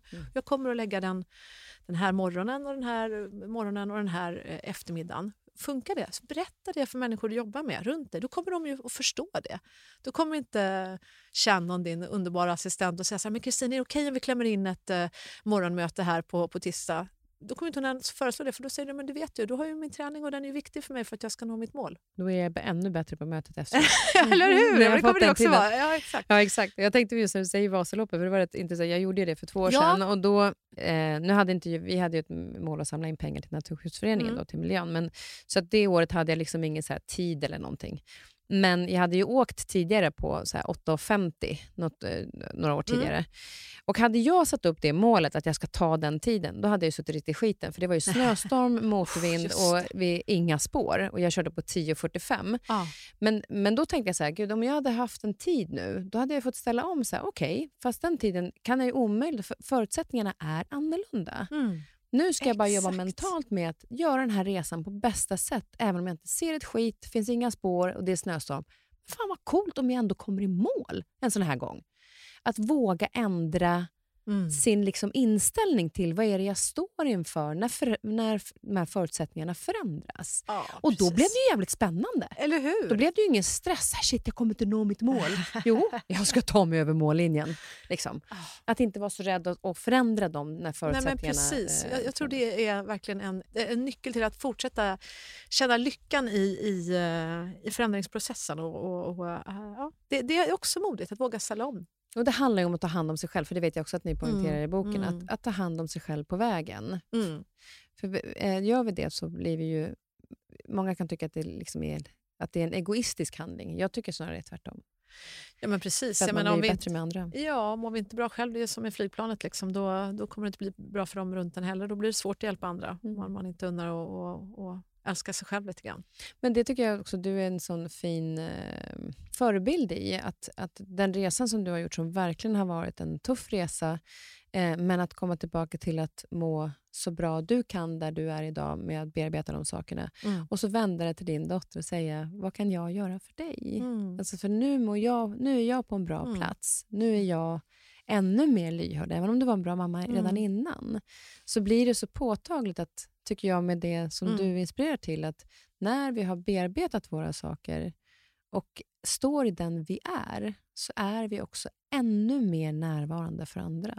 Ja, men det är jättefint att du poängterar det och jag, jag håller helt med dig. Det är, ja, det, det, är, en, det är en viktig resa och, och det, det var ju det du sa också, eller hur, om Nalle Puh, att Mm. vara närvarande. Mm. Och det, det är fint att du återkommer till det, för jag, jag tror att det är någonting vi behöver poängtera och återkomma till. För det, jag tror, det, och jag vet ju själv att jag, jag är ju en sån person som ofta, jag älskar ju fart. Jag vill ju bara att det ska gå fort framåt. Jag, jag kan ju få sådär allergiutslag när folk säger ja, jo det är en bra idé, det borde vi göra men eh, ja, du vet, och liksom att man bara segar och segar. Då, liksom bara började, då bara började det klia i mig. Jag bara, men, kom igen då, vad är det som hindrar dig? Gör det då. Mm. Men, men jag, jag behöver också utmana mig själv med att andas ännu mer och ta det lugnt och verkligen... Men vad är det du ser nu framöver då, ja. som visioner och våga? Eh, ja, men, våga något mer? Ja, ja, precis. som vågar så mycket ja, men jag, jag, jag, älskar ju att försöka göra nya saker, för jag tycker det är så kul apropå utveckling och lära mig nya saker. Och nu eh, så att det är ett väldigt stort produktionsbolag som precis har eh, signat här på att vilja göra tv-serie av de här självbiografiska böckerna. Och det känns ju så himla roligt och stort. Så nu är det diverse eh, streamingjättar och, och, kanaler som, som eh, ja, slåss om detta och det känns fantastiskt roligt. Och då är tanken att jag ska också skriva manus till det här. Nej, vad spännande. Och jag har ju aldrig skrivit tv-manus förut. Men som Pippi Långstrump, det går säkert bra. Nej, men såklart så finns det ju jätte, jätteduktiga eh, proffs och så vidare eh, runt omkring. Eh, så jag står inte på något vis ensam i detta. Men, men det tycker jag känns otroligt spännande och roligt och fantastiskt. Ur, eh, ur att få lära mig nytt. Det tycker ja, jag precis som du pratade om i början. Ja, att ja. utvecklas och ja, göra nya ja, saker. Men det, är kul, det är kul. Så det känns eh, jätte, jätteroligt. Men det, det är samtidigt väldigt många Eh, projekt. Eh, jag, jag, jag är lite som du där Kristina, att man, man, jobbar med massa olika saker samtidigt. Du skriver ju också böcker och du poddar och du håller på och, och jag är, känner igen mig väldigt mycket i att jag gör också massa olika projekt. Jag tycker det är väldigt kul. Mm. Så, så det är väl och, och det finns också en, en, en idé om en, en tredje eh, bok i, i den här eh, självbiografiska eh, resan så att säga en annan väldigt viktig eh, historia att berätta. Så att jag har, en, jag har en titel i huvudet och jag har ett synopsis i huvudet. Nu ska jag bara eh, skriva också. Du har ju precis hunnit klart. Jag vet, så jag funderade på att vara lite närvarande också, Kristin. Vad säger du om det? så jag tänkte att jag skulle liksom försöka eh, unna mig att andas lite. Så därför har jag inte stressat ihjäl mig med just den eftersom jag faktiskt har gjort en annan bok här nu precis. Så att nu ska jag... Men blir den, den kommande då boken ja. lika djupdykande? Mm. Det blir den mm. faktiskt. Det finns, eh, det finns någonting annat jätte, jätte, jätteviktigt som, som jag skulle behöva berätta om. Så att jag, det, den blir också en, eh, jag vet att den kommer bli en, en jäkla resa. Så att den, eh, jag behöver andas och ladda lite och, ehm, och så innan, innan jag tar tag i det liten cliffhanger här, så får du mm, komma precis, tillbaka. Ja. Känner jag nu att man vill veta mer ja, om det där. Nej, men den, den blir, det blir spännande faktiskt men, och utmanande. Så att jag ska unna mig, vara lite närvarande, andas lära av dig, kanske boka en resa och, och liksom, mm. Eh, njuta lite. Och, och, Man behöver göra det lite kraftigt. Jag har inte rest långt på väldigt länge nu efter all den här eh, pandemin som vi har varit i. Så det, det ser jag faktiskt också fram emot. Bara få vara nära, vara nära familjen, apropå närhet. Jo, den är så... Det blir så viktigt. Nu åker jag, jag ska jobba på den här resan och mm. ska tillbaka till Maldiverna som jag var förut och är väldigt tacksam över att jag får göra det. Även om man reser långt så mm. har, reser jag inte lika mycket som jag gjorde förut. Nej. Så jag har faktiskt inte lika dåligt samvete över att man skönt. flyger. Ja. Men att också det som det ger, att, att vara, nu är båda mina söner med, och då har jag tänkt på det nu inför den här gången, just det här vi pratar om att vara närvarande. Det är mm. att nu är vi alla tre singlar. Vi är alla tre vuxna. bra timing i livet. Ja, den yngsta är nu 18 och den äldsta 25. Att vi tre vuxna landar i en vuxenrelation tillsammans roligt. på det sättet. Det är så otroligt fint. Eh, och Jag tycker det vore fantastiskt om de hade flickvänner också, eller att jag hade träffat ja. någon. Men nu är det inte så. Och Då är det så här, då har vi det här. Och vad är fint i det? Istället för att titta på det som man inte har. Så det är en sån grej som jag kan tycka, så här, passa på att nej men nu får de haka på mig när jag jobbar och så får vi den här tiden tillsammans, för den är ovärderlig. Liksom. Verkligen. Tänk dig en resa ni kommer minnas resten av era liv. Ja, men verkligen. Så det, det bara Nalle Puh där. Ja, just det. Exakt. jag tar med mig både... Ja, men alla, alla som lyssnar på det här måste ju fråga sig själva, alltså, vilket djur är jag och vad är ja, det för, för egenskaper som gör att jag tycker att det djuret är så bra? Och fråga den du lever med, eller din bästa kompis, eller din chef, kollega. Jag lovar dig, du kommer, du kommer inte glömma det här, jag har frågat människor eh, så många gånger nu senaste veckorna och det är så roligt. Man liksom, och folk säger så oväntade saker. Jag har fått allt, alla svar från sengångare eh, till eh, fiskmås och, och rådjur. och folk har så bra förklaringar. Pingviner, varför de tänker det? Jo, för att en pingvin, där jobbar de i ett team. De låter aldrig en, en pingvin gå längst ut. De går ju runt, runt för att vakta dem liksom, och, och så här. Då turas de om. Så det är aldrig någon som måste ta liksom den största smällen och gå längst ut där det blåser mest, utan de har ett system där de tar hand om varandra förklarade Kikki, min, min, en av mina absolut bästa vänner i livet. Och jag bara så här, vilken fin förklaring. Liksom. Och så här, det finns, folk har så många ja, tankar. Ja. Och jag tycker också det var väldigt roligt att man, att man tittar just på sig själv. Vilket djur ser jag mig som? Förmodligen det djur ja. jag vill vara. Ja, Delvis. Men också hur andra ser på mig. Och, och Det jag gör är att mm. när du säger vad du ser mig för djur så börjar jag reflektera över det. Mm. Är det någonting jag vill vara? Ja, precis. Ja, det är det faktiskt. Alltså, jag känner ju igen mig i det ja. djuret och jag blir väldigt glad över att jag blir sedd så. Mm. Eh, I kombination med att jag kanske lite oftare försöker vara en Nalle också. Jag är ju två kanske ja. djur. Och Sen är frågan då, om vi går vidare lite där Kristin, om du inte fick vara Nalle mm. vilket annat djur eh, upps, liksom, tycker du hemskt mycket om och eh, vilka egenskaper har det djuret? Vad, vad är svaret då? Alltså ibland, ibland vill jag vara en fågel. Och varför en fågel? För att jag vill kunna se saker och ting lite grann ovanifrån mm. oftare. Jag vill kunna ta mig till vara på många platser samtidigt. Eh, och en frihet. Ja, bra. Samtidigt som jag tycker om att flyga i flock. Ja, vad fint. Alltså, gud, man kom på, vad roligt det här är. Ja, jag vet, det är alltså, så kul. Måste testa på det här. Det var ju superkul. Du, innan vi slutar ja. så vill jag höra, du är nyfiken på det mesta mm. eh, med tanke på din journalistiska bakgrund. Men finns det någonting speciellt du är nyfiken på just nu? Ja, jättemycket. Vad är jag nyfiken på just nu? Ja, men just nu, alltså det är väl kanske väldigt allvarligt, men, men just nu är jag ju... Ja, nyfiken är nästan ett litet ord i sammanhanget, men jag, jag är så nyfiken på... Jag vill bara veta hur ska vi lösa den här jättekonflikten som Europa är i nu. Jag, jag, mm. bara, jag funderar så mycket på det. Jag frågar människor jag träffar. Vad tror du är vägen fram till fred? Eh, hur ska vi göra? Hur kan vi bidra? Hur kan vi tänka för att det här inte ska hända igen? Vad får du för svar? Ja, jag, jag, jag, var faktiskt på Åland häromdagen och pratade med Ålands tidigare regeringschef. Hamnade på någon, det var en litteratur, litteraturfestival jag var på. Det var massa spännande människor där. Och, Eh, gud, jag får, alla möjliga svar, men, eh, nej, men vad de flesta kommer fram till är väl att de tycker att, att eh, Rysslands folk måste avsätta Putin själva, mm. för att annars eh, kommer det inte bli bra. Eh, och eh, men, Många samtal också om hur hur farligt det är. Jag tror hur naiva vi har varit i, i, i Sverige och i omvärlden hur lite vi har förstått om hur otroligt faktiskt eh, men nästan hjärntvättade tror jag ryska folket har blivit. Att man skickar sina barn ut i ett krig. Menar just nu ser är det väl var, var, var liksom tionde eh, soldat som faktiskt omkommer. Alltså tänk på alla de mödrarna som skickar ut sina söner och, och barn i, i, liksom, i krig och kommer hem. Och, och, och, och, jag har hört så många vittnesmål och berättelser om, om, om eh, människor som bor i Ukraina som ringer, ringer till sina släktingar i Ryssland säger att vi, vi, vi sitter här nu i skyddsrummen och vi är... Vi, mitt hem är sönderbombat och jag, jag kämpar för mitt liv här. Och, och folk säger nej men så är det ju inte. Så är det inte. Alltså de tror inte på det.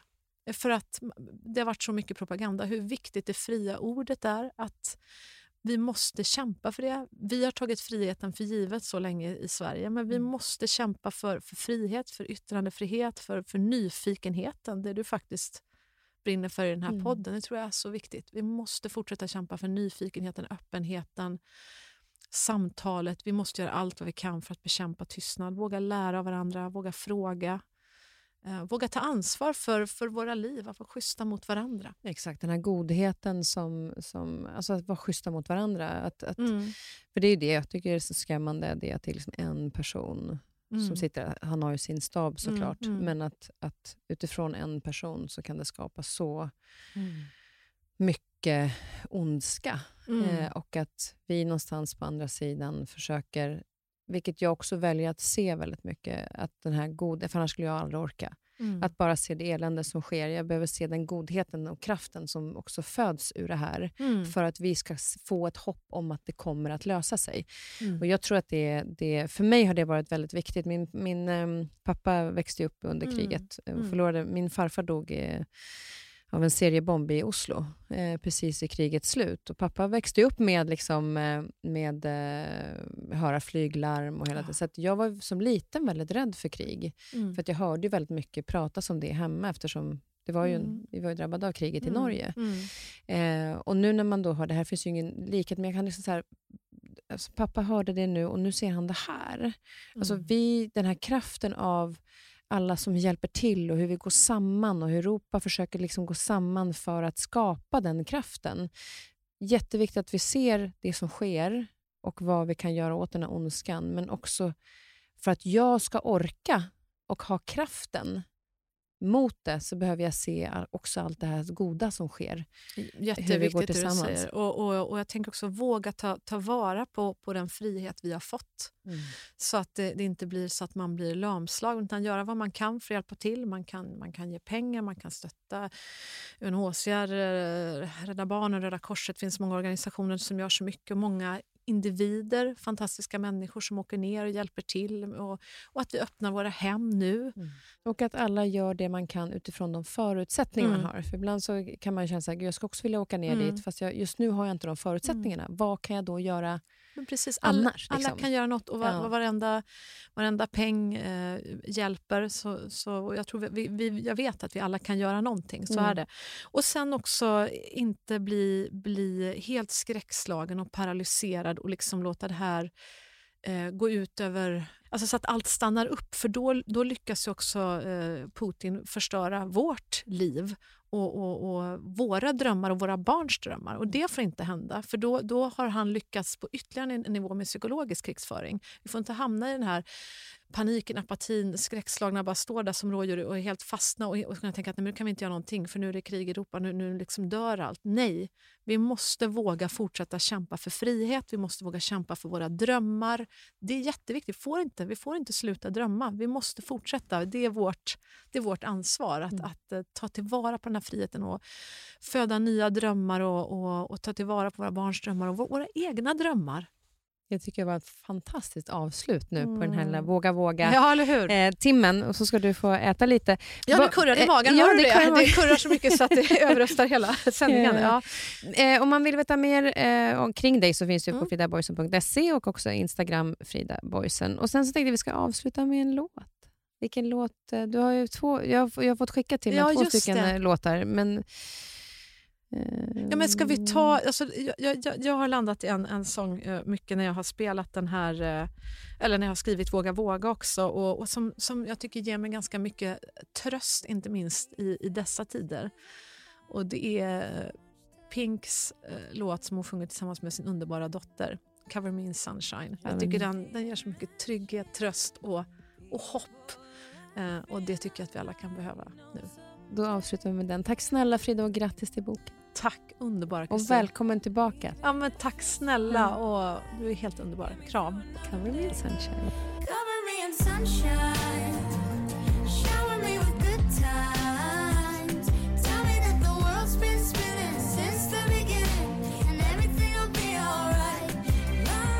I nästa veckas avsnitt träffar jag entreprenören Gunilla von Platen. Vi samtalar om vilka minnen hon hade med sig från när hon var liten och såg sin mamma bli skjuten mitt framför ögonen.